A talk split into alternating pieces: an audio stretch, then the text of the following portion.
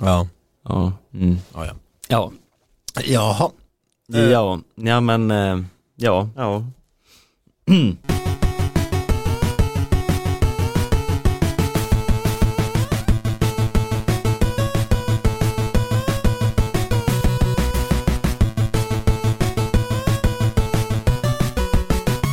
God morgon eller god eftermiddag eller god lunch eller vad man säger. Alla skidsnackslyssnare där ute. Eh, Snygg det- räddning där Stefan. Ja, eller hur. Det är återigen dags för skidsnack, hela Sveriges älsklingspodd, hela skidsveriges i alla fall, om jag sa Sverige, jag har kort minne, eh, som eh, ges ut eh, under Sportbladets flagg och jag sitter här med min kära kollega Viktor Stenqvist. Yes. Hur är läget? Eh, jo då vars. Synd och klaga. Ja, Huvudet upp och fötterna ner. mm, ja men det är huvudsaken. Ja. Det är väl lite så här melankolisk stämning kan man känna. Ja, du har nyss visat upp en eh, bild på ett gråtande barn som du försökte lägga upp på Instagram men du är tydligen lite för gammal och grå för att mäkta med sådana sociala medier. Ja, jag försökte göra en så kallad meme Mm. som jag tänkte lägga ut på Instagram. Så jag satt hemma i, i, nå- i någon sån här eh, meme generator grej igår och sen skulle jag lägga in den här lilla giffen och sen lägga, skriva någon text. Men det var alldeles för komplicerat för farbror. Ja, Så det är också inte härligt att du försökte med det här igår och håller på fortfarande. Ja, vi får se. Men när den här podden eh, eh, når, ja vad sa vi förra veckan. Etern. Ja. Eh, så tror jag att den här memen ska kunna vara ute. Så ni får väl hålla utkik på eh, Skidsnacks Instagram Mm. om ni, om ni lyssnar på det här och inte har sett den. Ja. jag, jag flaggar för memes som, som finns på Instagram. O- oerhört låg nivå just Bra, nu. bra plugg. Ja. Men eh, Ja. Nej men det är bra annars, hur är läget med dig? Eh, jo, men det är väl bra tycker jag. Jag känner fortfarande lite så här eh, att jag är i någon form av chock över det här vi gjorde i söndags. Eh, ja, ja just det. Ja jag tänkte vad fan har vi gjort? Men nu förstår jag vad du åsyftar. Ja, det är ju då alltså så att efter den här diskussionen vi hade för några veckor sedan så gick vi ju här och anmälde oss till det här jävla loppet igen. Ja. Eh, dock så tog vi det rimliga beslutet, så här, det mogna beslutet att denna gång anmäla oss till eh, öppet spår. Ja, ja men lite grann så och eh, om vi ska motivera det beslutet så är det väl att vi, vi kände väl att vi ville testa på, nu har vi ju tragglat oss igenom Vasaloppet två gånger Mm. och det, det har ju varit eh, alltifrån eh, ganska he- hemskt till eh, vedervärdigt. Ja, och jag har väl haft kanske lite mer positiv bild, det här, det här är väl mest dina betyg. Eh, jag, jag hade väl vedervärdigt första gången och sen eh, ja men ändå snudd på positivt andra gången. Ja, nej, jag var lite mer Frodo vandrar in i Mordor. Ja. Och klättrar upp för berget där och sen ramlar ner. Det slutar inte lyckligt. Fast du var ju ändå mer positiv första gången, det måste man komma ihåg. Ja, fast jag var in... ja det var jag, fast det, jag var ju fortfarande inte positiv. Nej, nej, nej. Men vi har vi tagit det här rimliga beslutet att göra det här igen. Vi har använt oss då till öppet spår.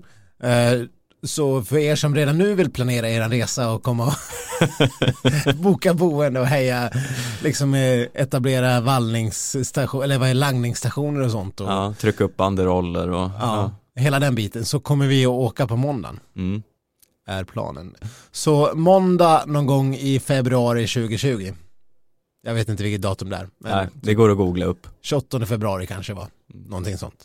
Nej, det måste vara eh, tidigare. Ja. Ah, ja, strunt samma. Ni, eh, ni kan då komma och, och heja på oss. ja, och vi kan väl förmodligen utlova någon form av eh, rapportering under eh, träningssäsongen här. Ja, I någon form. Ja herregud. Det, det, allt talar för att det kommer bli en monumental jättesuccé. Jag har ju ändå en skierg hemma. Ja, sist jag skulle träna inför Vasaloppet så köpte jag ett par rullskidor. Eh, de användes två gånger, Ja, tot. Ja. Jag släpade även med de här rullskidorna tvärs över Atlanten för jag tänkte att jag skulle åka rullskidor i New York. i Central. Park liksom. Ja, eh, det skedde totalt noll gånger. Ja, Jag tog eh, ju för övrigt inte med några stavar för jag tänkte att stavar kan man väl köpa för det var lite väl krångligt att checka in. Hur upplevde du rullskidstavsmarknaden i, i The Big Apple? Ja, den var inte blomstrande, det Nej, var den inte. nej. Jag hittade exakt noll par. Ja. Sen är ju frågan att om jag väl hade hittat ett par så är det väl inte helt säkert att jag hade åkt ändå. Nej. För det var lite skräckenjagande. Men visst måste det finnas någon person som åker rullskidor även i New York? Eh, Jag såg noll personer. Ja, okej. Men eh, det kanske har blomstrat nu de här senaste tre åren. Ja, vad vet man. Men, eh, ja, men nej, så att det, det ska bli intressant att se hur det här går. Ni, vi kommer väl som sagt säkerligen att rapportera kring vårt äventyr. Det skulle jag väl rimligtvis tro. Ja, men eh, vi får väl ta och eh, vända blicken till det här som var skidskytte-VM i Östersund som har avslutats sen vi hörde sist. Vad känner du? Var det succé det här VMet? Uh, eh, ja, nu, det En viss varit- tveksamhet hör jag i din röst. Ja, men det, precis. Jag är lite besviken på att vi inte var där på något sätt. Det, Mm. tycker jag vi, Sve- Sveriges eh, främsta skidpodd kunde ha liksom ändå masat sig till Östersund. Men nu, Mm. nu har vi ju lite jobbproblem och sånt. Vi jobbar helt olika skift så vi jobbar, ja det, hade, det, det gick inte att lösa rent logistiskt och så. Så det var lite synd. Men sen var väl själva mästerskapen säkert en succé. Det, är lite, det går ju lite inflation i skidskytte-VM, det har vi pratat om förut. De har ju VM varenda år, förutom när det råkar vara OS. Eh, Så det är ju VM väldigt ofta. Det är ju inte VM jätteofta i Sverige, men det är ändå typ var tionde år. Mm. Eh, Så, men det var väl, jag hade kanske förväntat mig några fler medaljer. Mm. Jag måste ändå säga att eh, som helhet måste jag ändå vara nöjd. För jag tänkte innan att vi kommer bli 4, 5, 4, 5, 4, 5, 5, 6, 5. Och det blev vi ju. Typ. Ja, Eh, med den lilla eh, glädjedetaljen att vi ju faktiskt även fick eh, några medaljer. och egentligen är det ju ganska dumt att gå runt och förvänta sig fler medaljer. För vi har ju liksom ändå ett lag som där det, det inte liksom, det kryllar inte av eh, världscuppallar. Nej, verkligen inte. Vad har vi? Vi har Hanna Öberg några gånger och Martin Ponsiluoma en gång den här säsongen. Ja, och, Och sen har det stafett. varit stafettframgångar. Så att egentligen så föll det väl ut ungefär som det, som det skulle förväntas. Sen, sen är det klart att eh, den som sticker ut ändå är ju Hanna Öberg förstås. Som, eh, hon var väl topp fem i alla lopp hon ställde upp i. Ja, och det är ju helt sjukt. Hon var ju om man eh, slår ut det på placeringspoäng och sådär bäst av alla Mm. eh, damer. Och sen åkte hon ju också allting. Mm. Eh, alla stafetter och alla lopp. Eh, så det var ju busy week, weeks för henne. Men Mm. det var ju så snudd nära på medalj ett par gånger. Det var ju den här 0,6 sekunden i sprinten, eller i jaktstarten. Nej, sprinten. Mm. Eh, jaktstarten tog hon ju guld. Sen var det ju Nej, det var distansen hon tog guld. distansen hon Mm. tog guld. Eh, ja men det var snubblande nära ett par gånger. Även, även stafetten var ju snubblande nära att det kunde bli något bättre. Ja, och eh, ja, även den här fjärde platsen i, var det, var massstarten. Mast, sista massstarten. Ja. Precis. Men ska vi prata om damstafetten? ja, Va? det måste vi ju såklart göra. Eh, ja, det, den som stack ut där var ju inte Hanna Öberg. Det var ju eh, snarare den minst eh, troliga succén som skedde där. Anna Magnussons tredje sträcka var ju otroligt bra. Mm. Eh, kanske för att hon inte hade åkt så mycket så hon var pigg och de andra var slut som artister. Men eh, Hanna Öberg stack väl tyvärr ut på ett negativt sätt. Ja, du, du säger ju det hela tiden att hon måste hata sitt eh, hemland. Ja, men det är lite så. Alltså, mycket gott ska man säga om Hanna Öberg och det är med rätta så ska man göra det. Men just när det väl verkar komma till stafett så eh, har hon ju hittills inte levererat det sista slutklämmen av Max. Nej, Hon har en förmåga att bomma ett antal skott i sista avgörande skyttet. Eh, och det har hänt nu flera gånger. Det hände väl typ tre gånger på det här VMet. Eh, så man får, ja, jag, jag, lite skämtsamt så skrev jag att hon verkar hata sitt land. Mm. Hon verkar älska sig själv men hata sitt land. Det är, kanske, det är lite hårda ord så eh, menar jag inte egentligen. Men eh, vad, vad hon bommade tre skott på sista skyttet i damstafetten. Mm. När hon hade eh, ja men jordens jävla guldläge. Ja. Alltså vi hade ju i princip redan eh, höftat in guldet. ja, alltså ja, det, var- hon hade ju kunnat ha det med en bom mindre.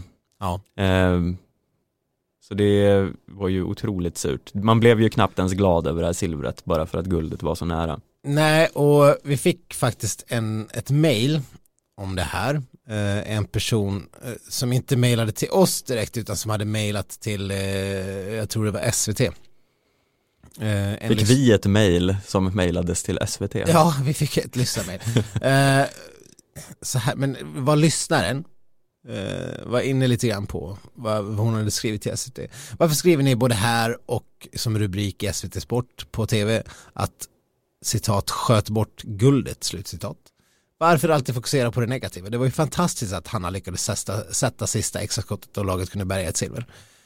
Eh, skriver lyssnaren och fick något form av svar från SVT som jag inte ska läsa upp här. Men eh, ja, när det kommer till formuleringarna som SVT har gjort och även eh, Sportbladet och typ alla andra sköt bort guldet, Hannas kollaps. Ja. Alltså, jag, jag kan inte annat än hålla med, det var ju precis så det var. Det var ju, det var ju eh, journalisternas roll är ju lite grann att spegla känslorna som folk känner där hemma. Ja, herregud, det finns väl ingen som sitter hemma och gläds när hon skjuter bort guldchansen och sen eh, går ut efter Norge. Nej, nej Det då, har ju- man ju någon, då har man ju någon positiv, alltså antingen är, är, går man på knark eller så är man någon form av super, eh, vad, vad heter hon, Julie Andrews, Andrews positiv människa. Mm. Nej men det är ju, alltså sanningen är ju sköt bort ett guld, sanningen är ju ingen annan. Nej, nej, det, är inte det- att de vann ett silver. Nej. Laget hade ju bäddat för guld. Ja, och eh, visst man kan glädjas åt ett silver i efterhand men just där och då är det ju en total besvikelse. Ja. Man fattar ju att Hanna Öberg var, alltså hon utstrålar ju ingen glädje efteråt. Nej, De andra det- gjorde ju det lite grann Ja. eh, såklart för att för dem är det ju mycket större än vad det är för Hanna Öberg att ta ett silver. Jo, precis, men jag tror, man jag tänk, tror inte att de också hade räknat eller hoppats att hon skulle kunna ta det guldet. De var väl ändå Ja, i gud stunden ganska besvikna. Mm. I efterhand kan man väl säkert glädjas mer åt ett, eh, ett VM-silver på hemmaplan. ja. Mm, Men just där och då, när hon missar skotten, bom, bom, bom, mm. då eh, är man glad eller inte, är man inte besviken då, då har, då, är man ju, då har man ju skaffat sig fel yrke om man är skidskytt. ja faktiskt. Eh, Det går ändå ut på att vinna. Eh, och sen går det ut på att göra bra prestationer. Säger ju alla hela tiden. Jag är nöjd med min egen prestation och prestation hit och prestation dit. Prestationer är ju jättebra. Men när man kommer till elitidrott så är det ju prestationen ganska sekundär. Det är ju resultaten som är det viktiga. ja, men den det, som säger att prestationen är viktig, den, den ljuger ju bara. Det är ju en sån sak man säger. Kanske något som idrottspsykologer eh, försöker få dem att inpränta. Men till syvende och sist är det ju resultaten som är det absolut enda viktiga. Ja, för jag, jag kan ju bli lite trött när folk gnäller på att media är så himla hårda. När, för det finns ju ingen som sitter hemma i soffan och bara Åh! Gud vilket bra träningspass Ida Ingmarsdotter fick här. Ja. Hon kom tia. Ja. Nej, så tänker ju ingen. Nej. Alltså det kan väl vara jättebra av henne, men det är ju inget man sitter och hoppas på eller kan vara speciellt glad åt efteråt. Nej. Nej, det, det är ju helt orimligt. Ja. Ja, nej det där, det, det, det, när det kommer till elitidrott så är det bara resultaten som är det viktiga. Mm. Och att man gör bra prestationer på vägen för att nå toppresultat är ju en sak, men det är ändå där det handlar om. Ja, och jag menar utan eh, resultat, ingen uppmärksamhet. Hanna Öberg kunde ha gjort en jättedålig prestation och gjort fyra bommar. Men eh, hade hon tagit guld så hade ju ingen brytt sig om det. Nej. Så att eh, det, är, det, är, det är bara resultaten det handlar om och det är det som är idrott Mm. någonstans. Om du inte är på någon form av hobbynivå. Och det är ju Mm. inte de här tjommarna utan de är på högsta elitnivå. Så att det är klart som fan att eh, Anna Magnusson och Mona Brorsson och Elin Persson är lite besvikna för de presterade ju extremt bra och bäddade för en fantastisk dag Mm. som Hanna Öberg tyvärr sumpade. Mm. Linn Persson höll ju på att sabba dagen redan på förhand och när hon glömde geväret innan start. det tyckte jag var otroligt kul när man ser skräcken i hennes ögon när hon bara inser det och springer iväg för att hämta det. Ja, nej det var ju lite spektakulärt ändå om man, om man skulle dra iväg utan någon större miss i idrottshistorien är ju svår att tänka sig än att åka iväg på ett skidskyttelopp utan gevär. Ja, Det är ändå liksom eh, någon form av formulär 1A av saker jag behöver tänka på. ja, hon fick svara på rätt mycket frågor om det här efteråt och det lät ju rätt roligt ändå. Det viktigaste när man ska ut och eh, åka skidskytte är väl bland annat geväret. Det, det glömde du. Ja, det är väl lite halva grejen kanske. Nej, men jag vet inte. Den, eh, jag fick inte med mig den idag. Men tack och lov så var det någon som ropade till mig där att eh, det kanske var bra med den. Så jag hann ju hämta den som du var. Vi fick ju se en helt ny gren också i VM-sammanhang. Den är ju inte helt ny ny, men eh, den här singelmixstafetten som Mm. vi lyckades ta ett brons i med Hanna Öberg och Sebastian Samuelsson. Eh, vad är din spontana tanke om den? Ja, ja jag har inte liksom hunnit reflektera över det här för jag, jag, jag, jag tänkte på det här vi pratade om, eh, om vad som är bäst av singelmixstafett och mixstafett. Och det finns ju lite olika fördelar. Singelmixstafett kan ju vara bra för de länderna där kanske skidskyttebredden inte är lika gigantiskt stor som i de andra. Jag menar det är klart att Tyskland och Norge och Sverige kan få eh, och många andra kan få ganska bra mixed stafettlag. Men det är ju lättare för liksom eh, mindre nationer att ha ett singel mixed stafettlag som också kan vara bra och, och vara med och kämpa lite sådär. Men jag gillar nog liksom mixed stafetten ändå lite bättre.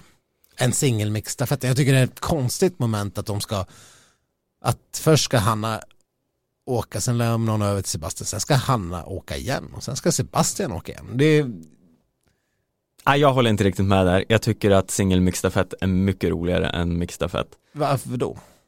Ja men det blir lite så här, det händer någonting när de ska skifta och sen åka en gång till. Det blir ju lite som en mycket bättre version av teamsprint i längden.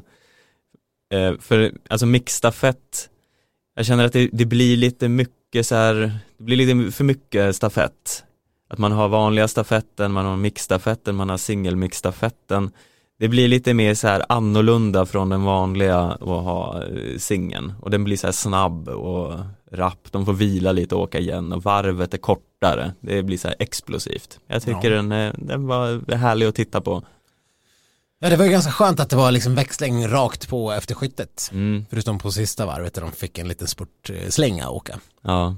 Så det är jag absolut eh, med på att eh, den kan funka men ja, det, kan, det känns ändå som det kan räcka med en typ av mixed stafett så då får de ju rationalisera bort någon. Ja, och jag tycker de ska rationalisera bort eh, den gamla, alltså med eh, två herrar och två damer. Okej. Ja, jag vet inte om jag håller med riktigt. Det, det, men det är också väldigt nytt alltihop. Det kan ju finslipas i hur det ska se ut.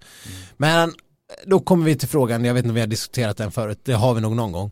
Men mixed stafett i längdskidåkning, Ja, ja eller nej? Jag säger ja.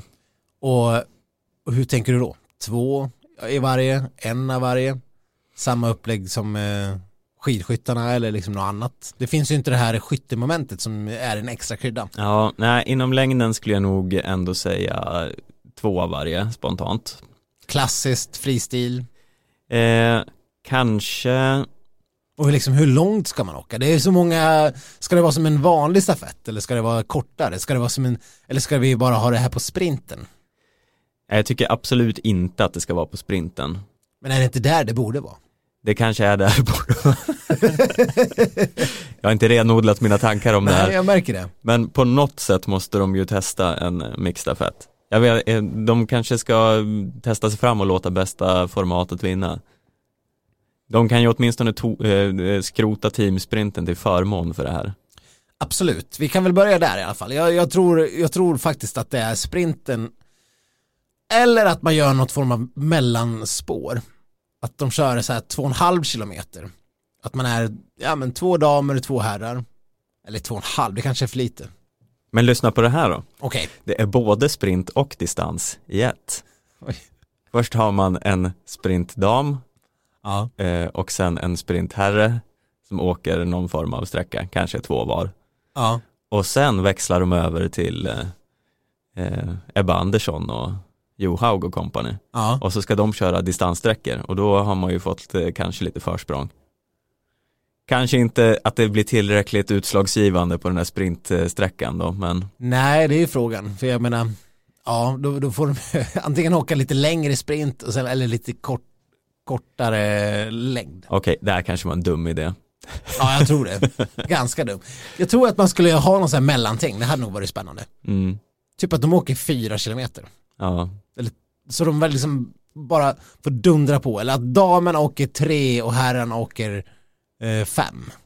Nu, nu ska vi inte ha olika distanser, det har vi varit inne på förut. ja, Men om man skulle liksom dra det till, eh, för damerna åker ju redan fem som det är. Ja, fast det är ju å andra sidan inte så ofta.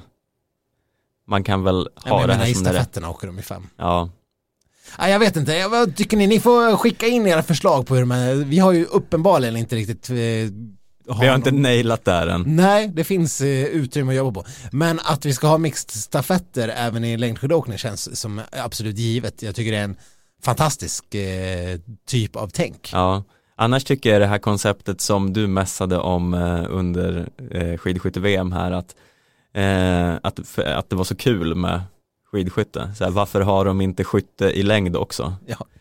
Varpå jag svarade något att, men då blir det ju skidskytte. Ja, jo men jag menar det hade ju varit ett kul extra moment även i längdskidåkning om man skulle skjuta lite samtidigt. Ja men det, det är ju så jävla spännande med, med skidskytte då. Man Mm. sitter där och visst nu sköt Hanna bort oss från guld men det var ju ändå extremt spännande.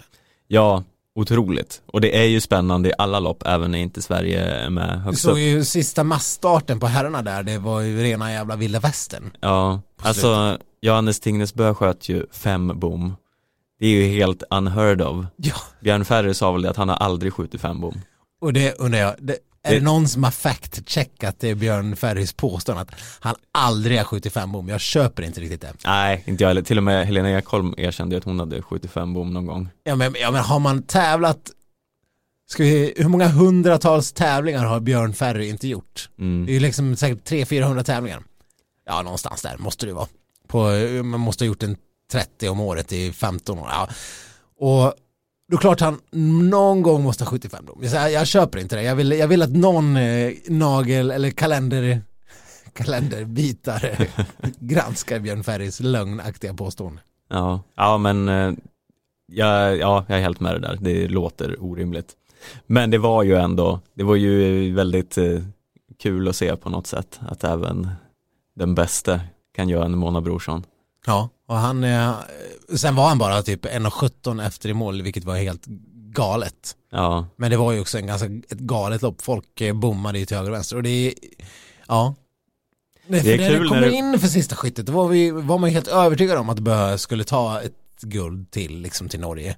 mm. Man, jaha, så blir det så här, alltid ska de det jävla Norge vinna. Och så blev det inte så. Nej, Då blir man det- så glad. man blir så glad. Men det är ju så roligt med sådana här tävlingar när det blåser åt alla håll. Det, för då kan det ju verkligen bli så här. Var inte direkt som att eh, någon hade tippat att Windish skulle gå och vinna. Nej, nej verkligen. Och så eh, det blir ett bra moment. Jag, jag menar längdskidåkning kanske skulle behöva något sånt. De kanske inte behöver just skytte. De kan väl ha liksom du måste sätta tre bollar i här, lilla sportspegeln vägg. Ja. Du ska kasta igen en boll genom ett hål bara. Eller något så här mästarnas mästare moment, stanna Ja, och bygga bygga- ett stentorn. Bygga ett stentorn precis. Det skulle inte vara bra för Kalle Halvarsson. Nej, det tror inte jag heller. Nej. Nej, Nej det, det finns en del eh, potential att utveckla. Mm. Vad tyckte du om VM då, rent i, i om vi ska sammanfatta? Ja, nej men vi har väl egentligen sagt det mesta. Jag tycker att Sverige gjorde det, ja men bra. Inte så här helt fenomenalt men ändå, ja men det var bra av Sverige. Mm. Eh, sen, för jag, jag har ju stört mig lite på kommentatorerna, främst Helena Ekholm som delade ut eh, MVG till alla ungefär hela tiden. Ja, När de eh, har kommit fyra, femma. Så bara, ja, alltså det var bra. Absolut jättebra av Mona Brorsson att komma femma, sexa. Men det är ju inte MVG. Nej. Då ska man ju ändå ha medalj. Ja, det ska man. Man får ju ändå hitta någon form av eh, rim och reson i det där. Eh, men nej, men eh, jag är nöjd. Eh, sen eh, är man ju lite, det har ju väckt vissa frågetecken så här, typ med vad som har hänt med Fourcade. Mm. Han var ju praktusel utifrån sina, sin nivå. Ja, verkligen. Han skulle ju Ja, det, det kom ju där under VM att han inte ens hade tänkt åka klart hela skiten. Det gjorde han ändå till slut, men det hjälpte ju inte. Nej. Han var ju inget bättre för det.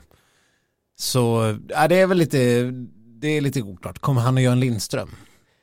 Nej det tror jag inte, jag tror att han vill eh, tillbaka till, eh, jag tror han vill peta ner böjan och visa att, att eh, man kan fast man är äldre. Mm. För det har vi inte sagt när Fredrik Lindström släppte ju bomben i Vinterstudion att han lägger av. Mm.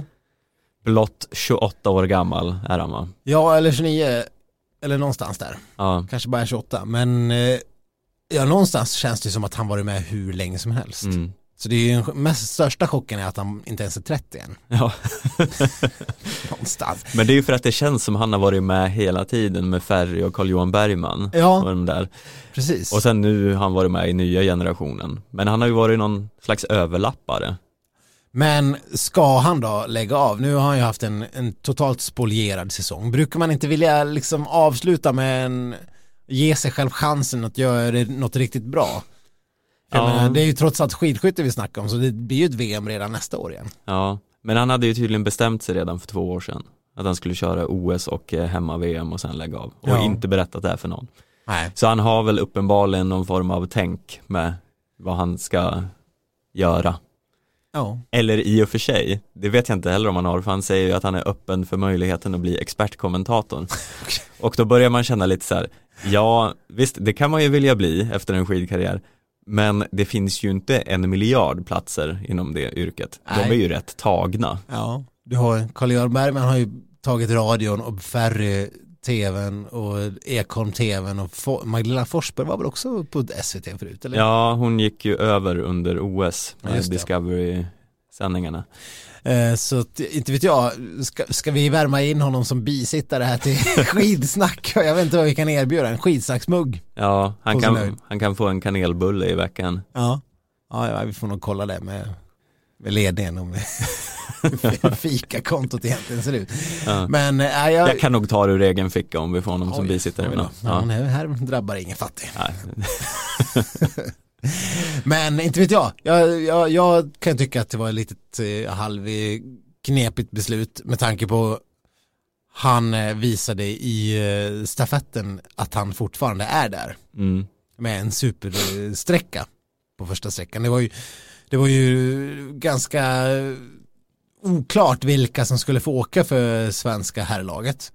Och till slut så blev det ju då Lindström, eh, Femling, Ponsioloma och eh, Sebastian Samuelsson. Nej, inte Femling. Nej, vad heter han? Nelin. Ja, Och då blev det istället Femling och eh, Insane Torstein petade till Mm. exempel. Eh, det fanns ju liksom några alternativ men då slänger man in en Fredrik Lindström som inte har åkt eh, knappt ett lopp på flera månader förutom ett ganska misslyckat sprintlopp mm. i början av VM. Eh, och så visar han ändå att det var en eh, helt korrekt uttagning för han gjorde ju kanonbra. Mm. Men eh, ja, så då känns det lite synd att han lägger av. ja, nej men en, någon säsong till hade man ju gärna haft kvar honom. Ja, Det är ju som, det känns ju inte lite som att han, Marcus Hellner. ja, han lämnar ju inte ett landslag i förfall. Det finns ju ändå Nej. rätt mycket ljusglimtar i det svenska eh, herrlandslaget i skidskytte. Ja, absolut. Hellner lämnade ju lite mer en krigszon bakom sig. Ja, precis. Han bara liksom släppte geväret och gick hem. Det är Normandie Ja. några dagar efter. ungefär. Där någonstans. eh, Ja.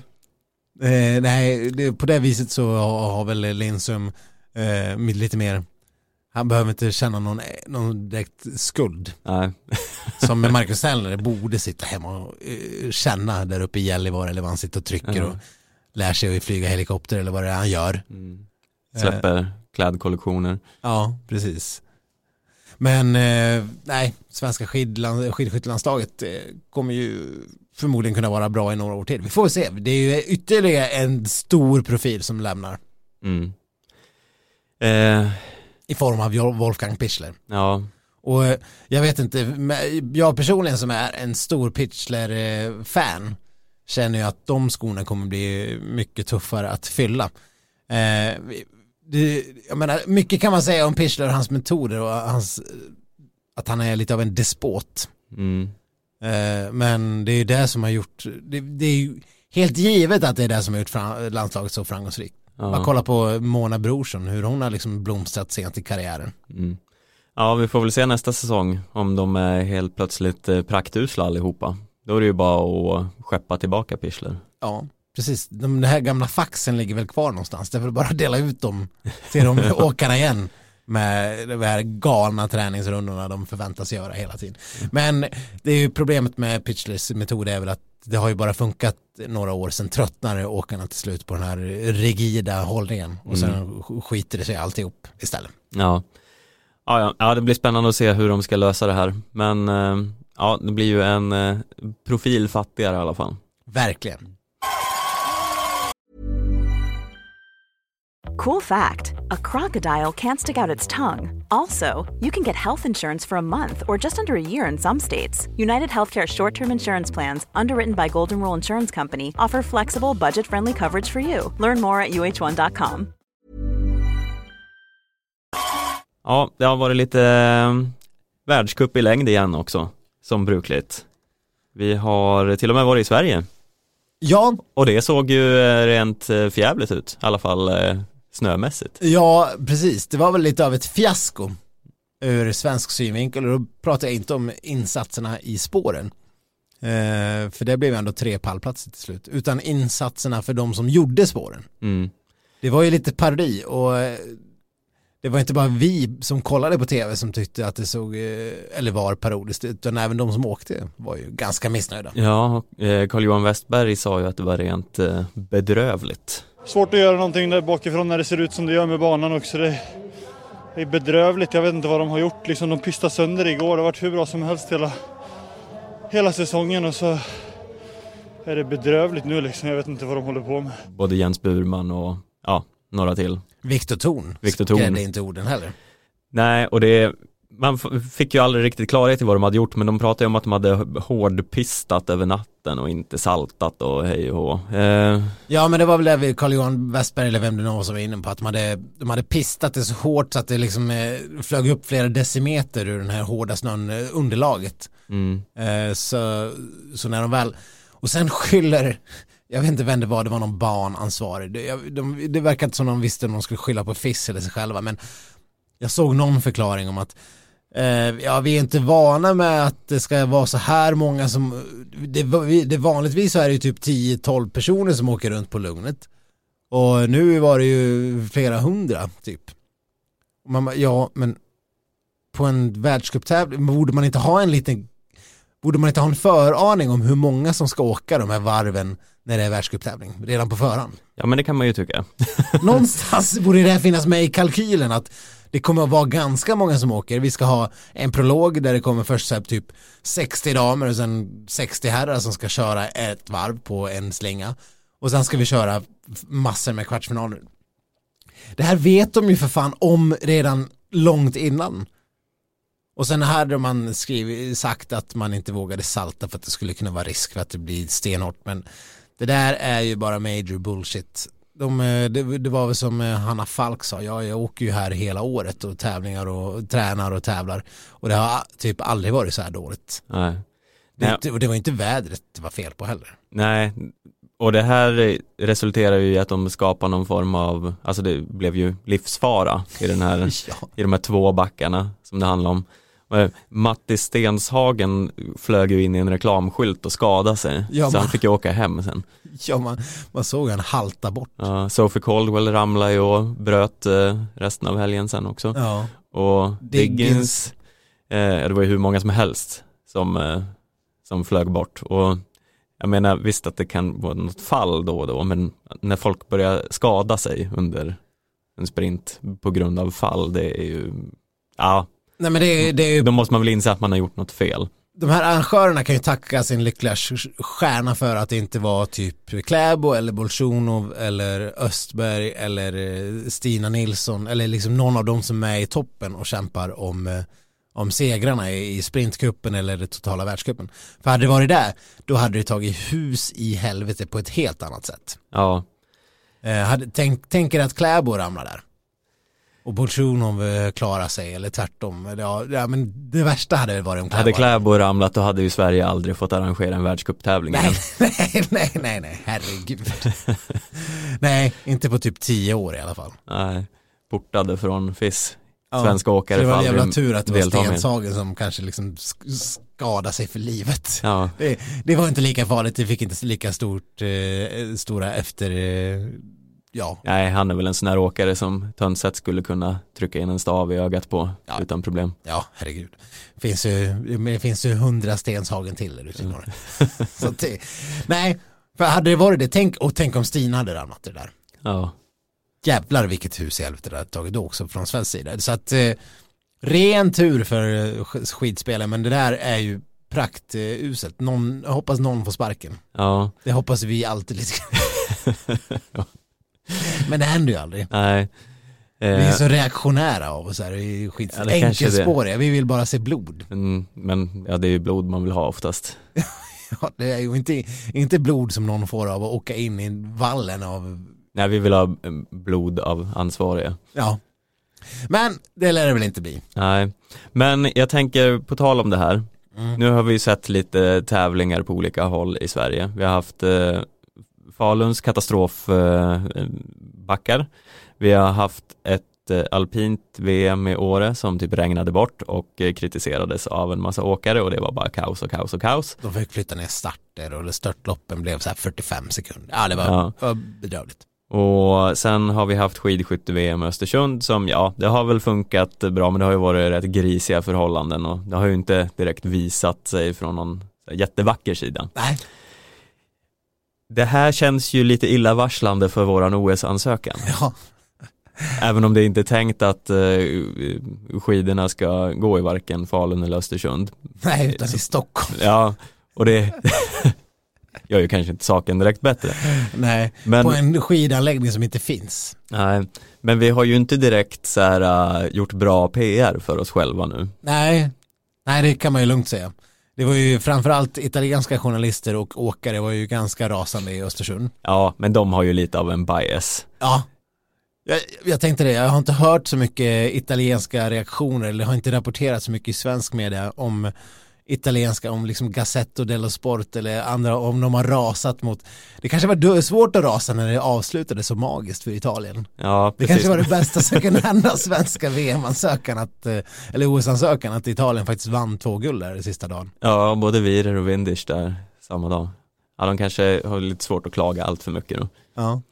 Det det var ju ändå liksom de här svåra förhållandena som gjorde att de kunde knipa sina guld. Mm. Eftersom Virer bemästrade dem eh, otroligt, otroligt bra. Ja, nej men nu får det nästan, eh, vi måste ju börja någon slags hatkampanj mot Italien här för att kamma hem det här OSet. Och sen åkte ju Pellegrino väldigt bra på eh, 15 km loppet. Ja, Kanske inte kan rasa mot Falun heller riktigt. nej men vad, hur ska vi gå till motattack då? Vad är hemskt med Italien?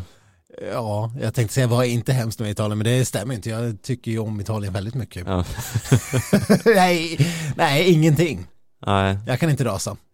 Har du något att komma med? Ja, det ska väl vara det här eh, Bunga, Berlusconis Bunga Bunga-fester. Så kan man- det får vi gå på i kampanjerna. ja.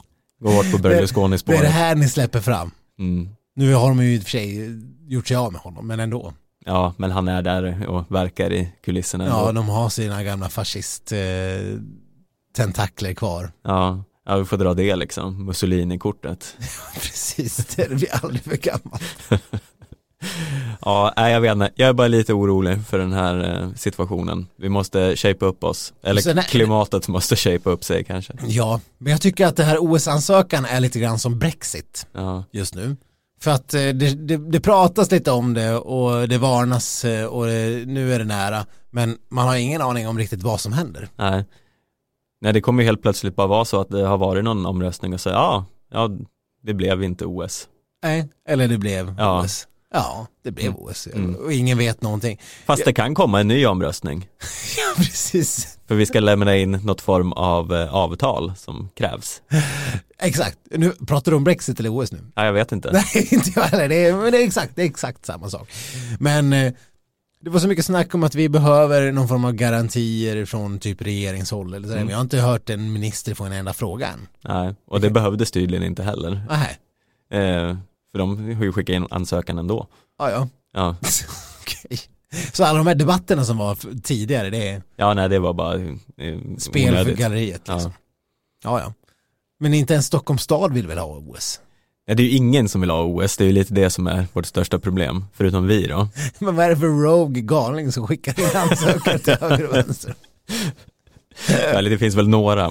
I, Ja, idrottsmänniskor vill ju ha det. Det, men det är den där OS-generalen Peter Su- Sundemo eller vad han heter. Mm. Någonting åt det här hållet. Ja, Eh, är det han bara som liksom på lite på en höft? Ja, han kommer få göra invigningen själv.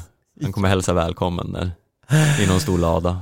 Ja men du, vem, ska vi bara dra lite snabbt eh, lågoddsare på eldtändare i svenskt, svenska OS? Jag, jag, vet, jag vet ju vem det kommer bli. Alltså, vem då? Det är klart det blir Stenmark. Ja, såklart det blir. Det finns ju ingen annan Nej. som ens är i närheten av att få tända den jävla elden. Ja, nej jag sätter inte emot. De kommer släppa fram liksom någon där Anja och Magdalena Forsberg kanske och, och, och någon som liksom får, får ge han facklan men han kommer ju få tända den. Mm. Efter att ha kollat en del på Mästarnas Mästare nu i inledningen så kommer de ju i alla fall inte få ge Tommy Salo någon delsträcka. Han kommer ju inte orka fram och lämna över till nästa. Eftersom han är i så usel form. Va? Ja, Har Mästarnas mästare ens börjat? ja det har börjat. Och eh, Anders Södergren är tyvärr med i andra gruppen så vi har inte fått se honom än. Nej, okej. Men eh, vi har fått se Tommy Salo som är historiens hittills sämsta deltagare Ja. i Mästarnas Mästare. Nej, han är väl inte känd för sina briljanta OS-meriter heller. Nej, Riktigt. Eller jo, det är han ju också i och för sig. Det Mm. är lite både och där på honom. Både på eh, högt och lågt. Ja. Eh, sidospår här, vart Ja. var vi? OS-facklan, Stenmark. ja, Nej, det var inte där vi var nej, inte. vi var någonstans långt innan. Ja. Jag tror vi pratade om eh, eh, den katastrofbanan i Falun Just det. i begynnelsen. Ja, jag, jag, vi jag twittrade ut från vårt konto att var det Thomas Wassberg när man behöver honom för han var ju ändå någon form av barnchef under VM. Eh, då var det någon som skrev, ja men är det inte han som är där och preparerar? Mm. Så någon svarade, jaha, tänkte jag, är det? är det han vi ska hänga här? Ja det var intressant. Jag har försökt följa det här i- efterdyningarna av eh, ba- banfiaskot men jag har inte hittat någonting. Nej. Litet instick där bara också till Mästarnas Mästare. I, de har något litet sidoprogram där Micke Leijnegard eh, och Pernilla Wiberg håller på att flöjta runt och prata minnen. Mm. Eh, då berättade han om att eh, Thomas Wassberg när han var med eh, han fick ett telefonsamtal om att eh, det hade snöat och det var tvungen att pistas uppe i åsarna. Ja. Eh, så då tänkte han bryta och åka hem. För det var tvungen att pistas men de övertalade honom att stanna kvar ändå på något sätt. Men eh, sen då hamnade Emily Örstig i nattduellen Oj. och eh, då övertalade han henne att välja honom så att han skulle kunna åka ut för att han var tvungen att åka hem och pista. Men under den här duellen så glömde han bort det här och bara på ren reflex fångade den här staven ändå, så han fick vara kvar. Det tyckte jag var lite roligt. Vad sjukt. Men då tycker man verkligen om att pista. Fy fan, är om alla liksom eh, lyssnar upp, det är ju det här hängivenheten man behöver i svensk eh, föreningsidrott Mm. idag. Någon som måste bara avbryta Mästarnas mästarinspelning och åka hem och pista. Jag- Jag blir alldeles varm inombords. Mm. Om man inte gillade Wasper sen innan, då gör man ju det ännu mer nu. Ja. Ja. Ja, herregud. Nej, det är fantastiskt. Har du förresten kollat på Superstars någonting? Vi skulle ju rapportera om eh, Anna och Emils framfart. Jag har faktiskt gjort det lite grann. Har du? Jag har inte alls följt det mycket, Nej. men jag kollade på ett par avsnitt. Oj, det var ju starkt gjort. Ja, och eh, det var så tråkigt så jag avbröt. Nej men det är ju ett skitprogram, Ja. alltså på alla sätt och vis. För att vem fan vill se Emil Jönsson och eh, Anna Haag och ja, vilka är det nu då? Anna Lindberg och eh, Glenn Hussein eh, sparka en fotboll så långt de kan. Jag menar vad är det för jävla gren? Och sen ska de typ spela minigolf och eh, ja, studsa en pingisboll så många gånger som möjligt innan de tappar den. Nu hittar jag på lite grenar här men det är typ, visst, typ sånt här de ska göra. Ja, har de gjort det när man tejpar fast en penna i ett snöre på rumpan och som ska sticka ner i ett flaska också? Har de? Garanterat. Garanterat. Jag är helt övertygad om att de har gjort den. Det är ju, det är, alltså Superstars är ju lite grann som att eh, någon har tagit eh, kaffekassan på Mästarnas mässare och gett till TV3 och säger att ja men gör någonting med det. Ja, gör något ni också. Ta, ta, ta bullkassan från Mästarnas mästare och försök få ihop ett program. Mm. Ja, nej, men det är ju ett, varför har man det ens? Det är så dåligt. Ja, Det finns ju ett annat program, visserligen i en annan kanal. Eh, men eh, det är, ja, man kan ju en, in, knappt ens bli glad om man vinner, det är ju ingen merit att vinna det där programmet. nej. Nej, nej vi, jag har inte sett en sekund av eh, Jag ser ingen, jag tror det är final i helgen, Ja, Okej, eh, jag kan- men jag ska inte se den. Jag vet inte ens vem som är i finalen. ja, förlåt TV3, eh, men det, och skit ska skit ha. Ja, eh, korrekt. Men eh, nu, det känns som vi har svävat ut väldigt mycket här. Men, Ja. vi, men vi kanske ska nämna något om vad som eh, faktiskt hände i Falun också. Vi, Ja, precis. Stina Nilsson kopplade ju ändå någon form av grepp i sprintkuppen. mm, Eh, Det är- det är lite det som är det mest spännande just nu för svenskt vidkommande. Kommer Stina Nilsson att, kommer vi ha någon som vinner någonting så är det ju Stina som ska vinna sprintkuppen. ja, och det verkar ju rätt troligt för det krävs ju inte jättemycket nu. För i sista sprinten så är det ju bara 50 poäng de åker om eftersom det är en minitour. Ja. Så då ska i princip Falla vinna och Stina vara ganska långt ner. Jag vet inte hur långt ner hon behöver vara. Nej, för det skiljer väl ändå ett antal poäng. ja men typ så här 30 poäng eller Ja. något. Och jag menar bara Stina tar sig till final så borde hon ju ha tillräckligt, tror jag. Men det är lite svårt att hitta de här poängräkningsformulären. Ja, för att inte säga helt jävla omöjligt. Eh, FIS hemsida är ju ett härke av dokument. Mm. När man ska kolla, det var någon diskussion på sociala medier där det kommer till stafetterna under OS. eh, Där vi klagade lite grann, eller där vi hade en diskussion om eh, varför Sverige släppte sin stafett si och så, eller kaxigt att göra det innan Norge. Och så påstår någon att nej men det finns ju, eh, de ska släppa i ordning och Norge som är senare, det mesta får släppa sist. Det där tror inte jag alls stämmer. Nej. Jag tror inte alls att det är så. Och jag har försökt grotta ner in mig i FIS hemsida för att hitta liksom bestämmelserna för när man skulle släppa stafettlag, men det var ju helt omöjligt. Det är precis lika omöjligt där att hitta poängutdelningssystemen på minitorer och liknande. Men om man bara vet vad det är så kanske är en sak att hitta, men om man på måfå börjar liksom gräva så det finns så jävla mycket pdf-er utlagda på FIS hemsida att det är helt galet. Ja, Så ursäkta att det inte kan ge er de exakta förutsättningarna. mm. men det, det ser ju väldigt bra ut i alla fall. Det får man verkligen säga. Eh, Så det ska väl till mycket för att Stina inte ska vinna där. Och det vore ju fint för hon har inte gjort det förut. Nej. Eh, konstigt nog. Och på här sidan så har Kläbo redan säkrat sprintkuppen. Mm. Eh, Däremot så är det ju en, eh, ja, eh, vad, vad skulle Hård säga, en, eh, eh, åh vad är ordet jag söker? En Eh, raffinerad Ja, kamp. raffinerat. Inte riktigt ett getingbo kanske Nej. i det här fallet. Nej, men det är raffinerat. Det är alltså då Kläbo och Bolsjunov som strider om eh, eh, att ta hem bucklan Ja, i totala världscupen. det är otroligt tajt där och de ser ju extremt eh, starka ut på olika håll båda två.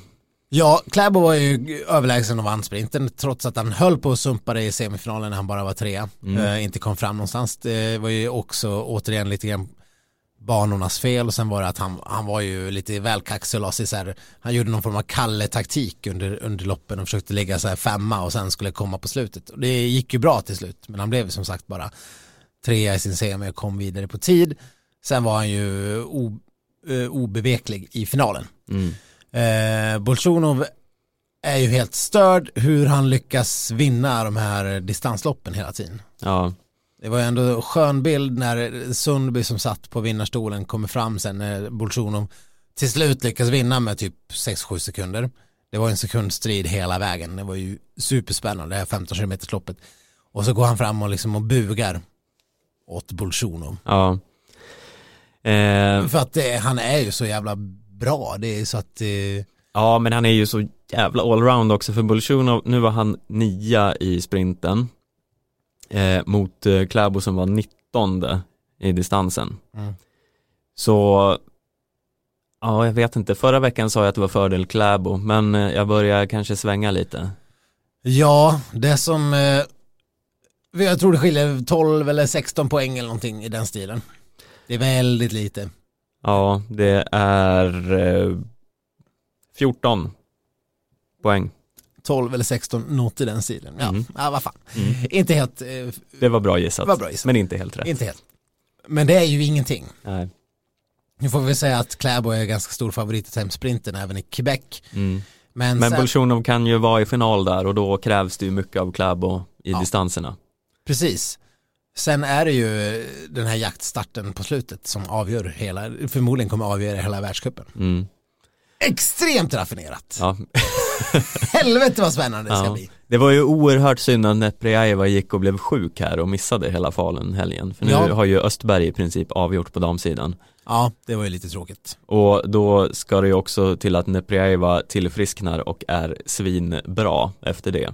Men där har vi ju då det som jag är extremt exalterad för. Eh, och tyvärr så kommer jag vara utomlands. Jag, vet, jag har inte riktigt kommit fram till hur jag ska lösa det här. Men eh, jag vet inte ens vilka tider de här Quebec-loppen är. Ja, de är mot kvällen någon gång, eh, typ 5-6 tiden tror jag. Ja, ja, jag- måste tänka igenom det här. Ex- No tapas for you.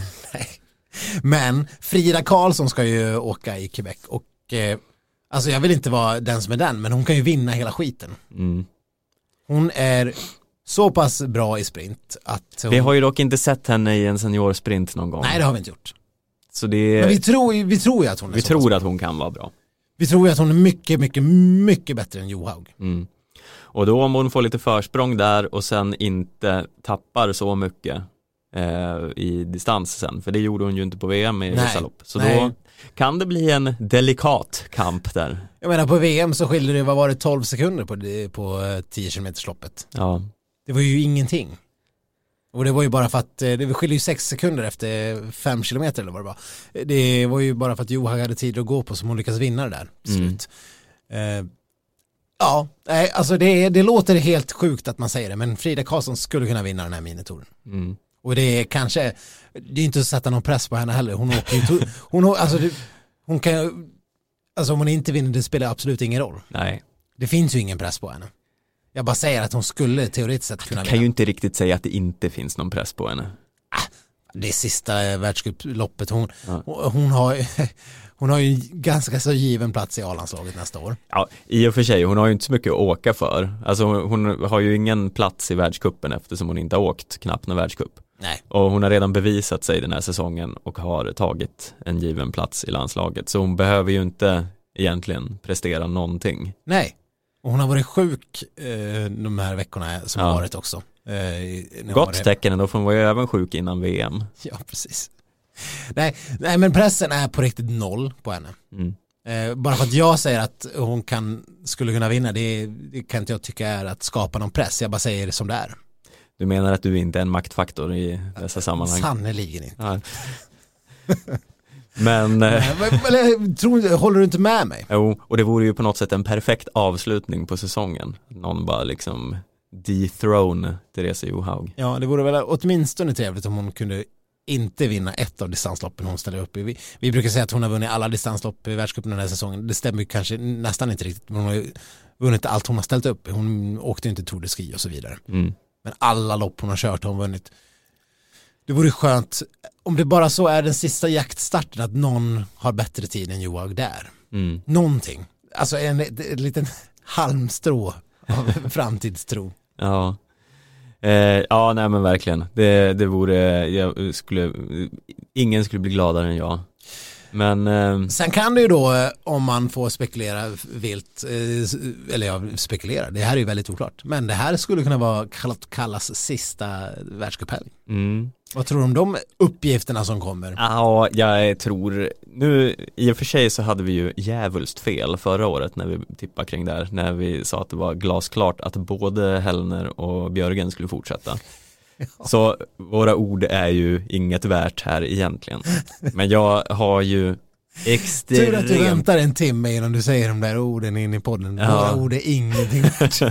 Ja, det är bra. Men jag har ju extremt svårt att tro att Kalla skulle sluta nu. Hon känns som eh, spontant som den här åkaren som kommer hålla på tills hon är 38. Ja, jag tycker det är lite under, underrapporterat från helgen i Falun är att hon i alla fall i, i TT säger eh, hon får frågan direkt om hennes, en fortsättning på säsongen säger han pass. Jag, ska, jag, jag får ta det efter säsongen. Mm. Hon kan ju alltså inte säga ja eller nej på om hon ska fortsätta köra eller inte. Det är ju egentligen sensationellt. Ja, Vår tids största skidåkare genom tiderna funderar på att lägga av. ja, fast å andra sidan, det är aldrig någon som svarar på en sån här fråga. Alla säger ju att de ska fundera. Det är ingen som någonsin har sagt ja, jag fortsätter. Ah, fast det, någon säger ju det. Ah, väldigt få alltså. De ska någon- har någon- alltid sätta sig ner och fundera. Har någon frågat Daniel Rickardsson vad han säger? Eh, ja men han ska väl fundera va? Han ska fundera. Ja, det är många som ska fundera. Men det är ändå sensationellt tycker jag att Charlotte Kalla inte, alltså bara ens misstanken om att hon kanske eh, tänker lägga av borde generera rubriker överallt. Ja. Tycker Eh, jag i alla fall. Ja, ja, gud ja. Och, men jag, jag tror bara att är, folk tar det inte på allvar, precis som jag. För jag tror absolut inte att det, det kommer hända. Men för er som är lite klentrogna så finns det hopp. Ja, Det finns en person som, eh, som eh, har lovat att göra sitt allra bästa för att få Charlotte Kalla att fortsätta. ja. Eh, Och vem är det då Stefan? Ja, men det är ju ingen mindre än eh, Therese Johaug. Ja. Eh, de gammelgummorna ska hålla ihop, eller hur hon nu uttryckte det förut. Ja. Eh, men henne, det roliga är att hon ska ju övertala henne i en väldigt eh, speciell situation. En annorlunda miljö. Ja, de ska nämligen åka till Rhodos tillsammans. Ja. Det är... Det här om något borde ju ha genererat större rubriker. ja. Verkligen. Kan ni tänka er Kalle och Johaug på Rhodos? Det här borde de ju göra en reality-serie av. Ja, kan, vi, kan vi skicka med en fotograf åtminstone som kan filma det här? Ja. Bara så vi kan få någonting. Tror du att de kommer besöka Grabbarna Grus? Ja. Mm. Men hur är det nu? Eh, Har de killar och sådär? Eh, Eller är, de, är någon av dem singel? Charlotte Kallas status har vi varit inne på lite tidigare i säsongen och vi har väl sagt att vi inte riktigt vet. Men det finns någon på hennes Instagram som eh, där hon taggar och taggas eh, på ett litet misstänksamt sätt. ja. ja, vi vet ju inte riktigt där. Johaug eh, kilar ju stadigt med den här kanotisten är han va? Ja. Som eh, brände fingrarna när han kokade korv så att han missade EM eller vad det nu var. Du, you can do better Johan. Ja. Nej, så ska vi inte säga. Han är säkert en hyvens kille. Ja, men jag tror inte de kommer gå på kanske beachparty på eh, arrangerat av grabbarna grusen då. Nej, men liksom eh, inte ens skumparty av något slag. Kanske skumparty. Ja. Eh, ja, ja, vem vet. Paraplydrinkar då? Ja men det, paraplydrinkar, eh, kanske en virgin pina colada eller något. Jaha, det är ingen, ingen eh, inte någon alkohol i deras... Jag tror att det kan vara ett glas rött till maten Oj då. eller så. Eh, det, det kan de nog eh, unna sig. Ja, man har ju sett, vi har ju varit inne på det väldigt mycket tidigare, att eh, skidåkare verkar vara starka pizzaätare. Ja. Blir det någon eh, liksom halvtaskig Rhodos restaurangpizza? Om man nu, alltså det känns ju lite B om man ska åka till att här, äta pizza om man åker till Rhodos. Det känns inte som rätt val på något sätt. Och varför åker de till Rhodos? Det här är två av skidvärldens rikaste personer. Ja det, är- ja, det är ju helt sjukt faktiskt. Varför Rhodos åker- är ju världens största svenneö. Ja. Varför åker de inte till Bahamas? Ja, Eller liksom någon, någonstans i Västindien eller någon obs, Fiji liksom, någon obskyr ö borta i, långt i Asien. ja men om de nu ska åka till Grekland får de ju välja en lite mer alternativ ö. Ja. Ju inte åka till Rhodos, herregud. Rhodos känns ju väldigt liksom så här Lasse Åbergskt Ja, att åka till. och det är nu vet jag inte riktigt, jag har inte koll på vilken som är så här inne partyön just nu men det har ju skiftat lite mellan så här Kos och Rhodos och eh, Ibiza. ja nu ligger ju inte det i Grekland Nej, då, nej, visserligen men eh, och så här Ayia Napa eh, på Cypern och så här. Det är ju alltid något som är den här dit alla kids åker och blir fulla. Och lyssna på Axel Ingrosso. Ja, Typ. eh, precis. Diplo. Mm. Tror du det kommer, tror det kommer köpa Du, jag för kan- mycket Diplo på den här resan? Jag kan säga eh, eh, guilty as charged här har faktiskt varit på en sån här resa en gång i Ja. min ungdom. Ingen är förvånad. Stefan. Eh, nej, och eh, det man kan tro att eh, det är lite så här internationellt att åka utomlands men det spelas ju liksom Björn Rosenström på, på de här ställena. Men han är ju populär både i Norge och Sverige. det är perfekt. Tror du, tror du det kommer vara- en del liksom du kan dra ner min byxa, ska du få se en yxa. Så sitter det Johaug där och en yxa som gör allt för... Ja, Ja. ja mycket möjligt alltså. ja. Mm. Ja, det här, är- det här, jag, jag har ju i och för sig inga höga tankar om eh, varken Kallas eller Johaugs musiksmak så att, det- att det skulle kunna pumpas en del Björn Rosenström ser jag inte för helt orimligt. Mm.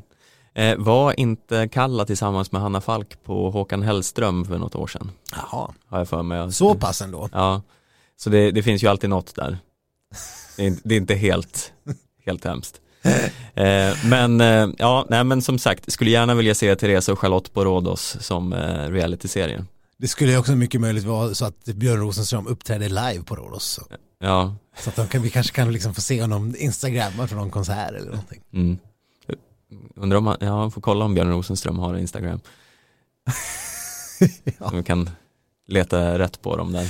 Nej, ärligt talat, jag tror att eh, om eh, Therese Johaug och Charlotte Kalla åker på semester, de kommer bara sitta och spela typ hjärter. Mm.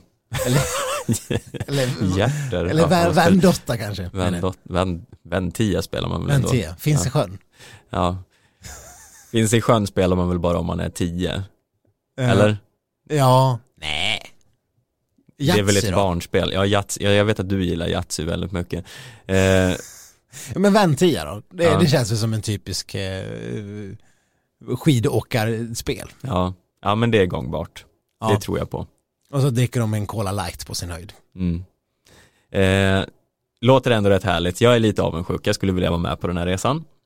Men å andra sidan, kan, ja, ja nu ska vi inte grotta in oss för mycket i den här men jag, det, det låter helt osannolikt att de skulle åka tillsammans. Jag tror ju att deras kompis akt bara är en chimär egentligen. Det här måste ju Ja. vara något sponsuppdrag. Ja. Och på den här resan ska ju då Johaug övertala Kalle att fortsätta. Ja, det är Mm. det som är huvud, det, det, det är därför vi pratar om det här. Ja. Sen vill man ju bara liksom spekulera fritt i vad, om de verkligen kommer gå på någon grisfest eller inte. Men Ja. Nej, eh, Det gör man väl i Spanien för övrigt. Ah. Du har lite problem med eh, geografin här känner jag. tzatziki då. Tzatziki kan man få. Ja. Ja, vad var vi nu? Jo, Johaug ska alltså övertala Charlotte Kalla. Det är, det är återigen den här falska eh, ödmjukheten som de är, jag vet inte, det kanske inte ens är fast, de kanske bara är så ödmjuka. Irriterande ödmjuka norskarna. Mm. Varför skulle man vilja ha kvar sin värsta konkurrent? Egentligen.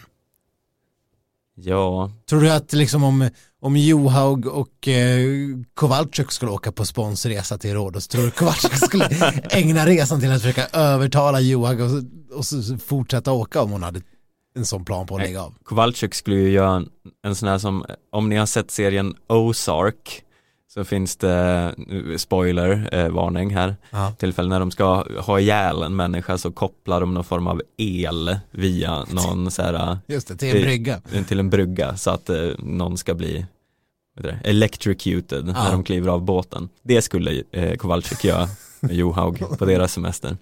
Du menar att hon skulle mörda Johaug?